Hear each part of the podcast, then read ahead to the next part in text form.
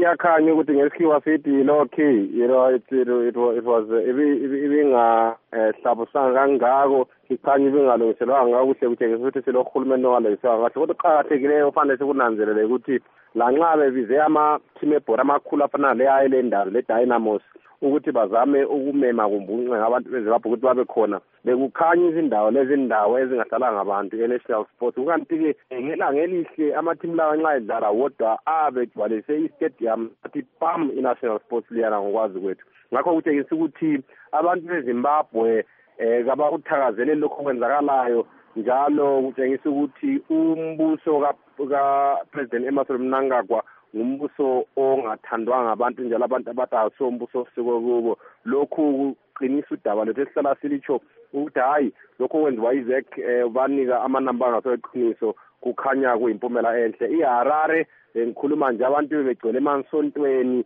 eh kwenze ngani njakulaa nto ebisenzakala. Eh ngibone ngani laye upresident eh, umnangagwa uyayangeka ngendlela izinto eziphume ngayo namhlanje. Ukuthi kungenziwani kusi- kuyiwa phambili? Lina lithini ngakhonokho akubone phela ukuthi udubo lukhona mntakamama yilo lokuthi eh khathesi uyabona ukuthi la stadium lapho kukhulume upresident u-ed wakhuluma vice president chiwenga lo munye vice president kanikwanga ukuthi akhulume njalo akasihlala yenza ukuthi vice president uyakhuluma nxa kule inauguration kutshengisa phela ukuthi uzano ngokwayo lanxa betshontshile ukhetho akula kuvumelana ukuthi ongupresident ngubani. Kukhanye ngani uchiwenga lokhu esifuqafuqela laye khona futhi mhlawumbe atshengisele abantu lozulu ukuthi yena nguye oziphethe ngiyophethe intambo. Ngokwehluleka kwapresident mnangagwa ukuthi alungise lolu daba kwenza into zibe nzima ngoba phela eh eh uhulumende kufanele abe ngika-vice pre- abe ngika-president upresident enze u- umathanda. Ngakho thina lanxa kuyukuthi bangazama ukukhuluma uyokhuluma lobani ukuzami yolingela mkhokhelo osegcekeni?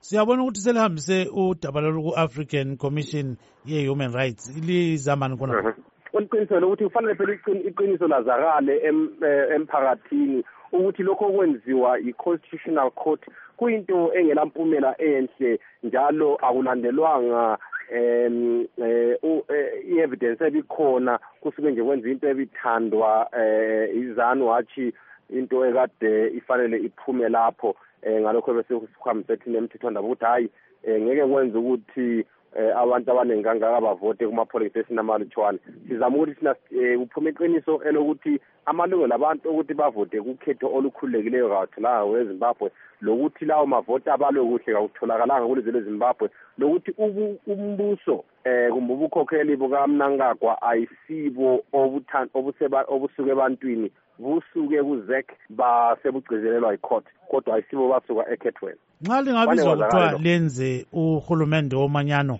lingathini ngakhonokho upresident esemthamisa utshilo izolo ukuthi hayi umuntu angatshontsha imbuzi zakho. Ngeke abuye kuwe sesithi hayi bo um woza ngapha makhelwane ke sizokhuluma ngokuthi imbuzi zakho lezi singazi singazigobana kanjani singazinikana kanjani. Hhayi isela kufanele liqale livume ukuthi hhayi mina bentshontshile eh kodwa ngiyalamba.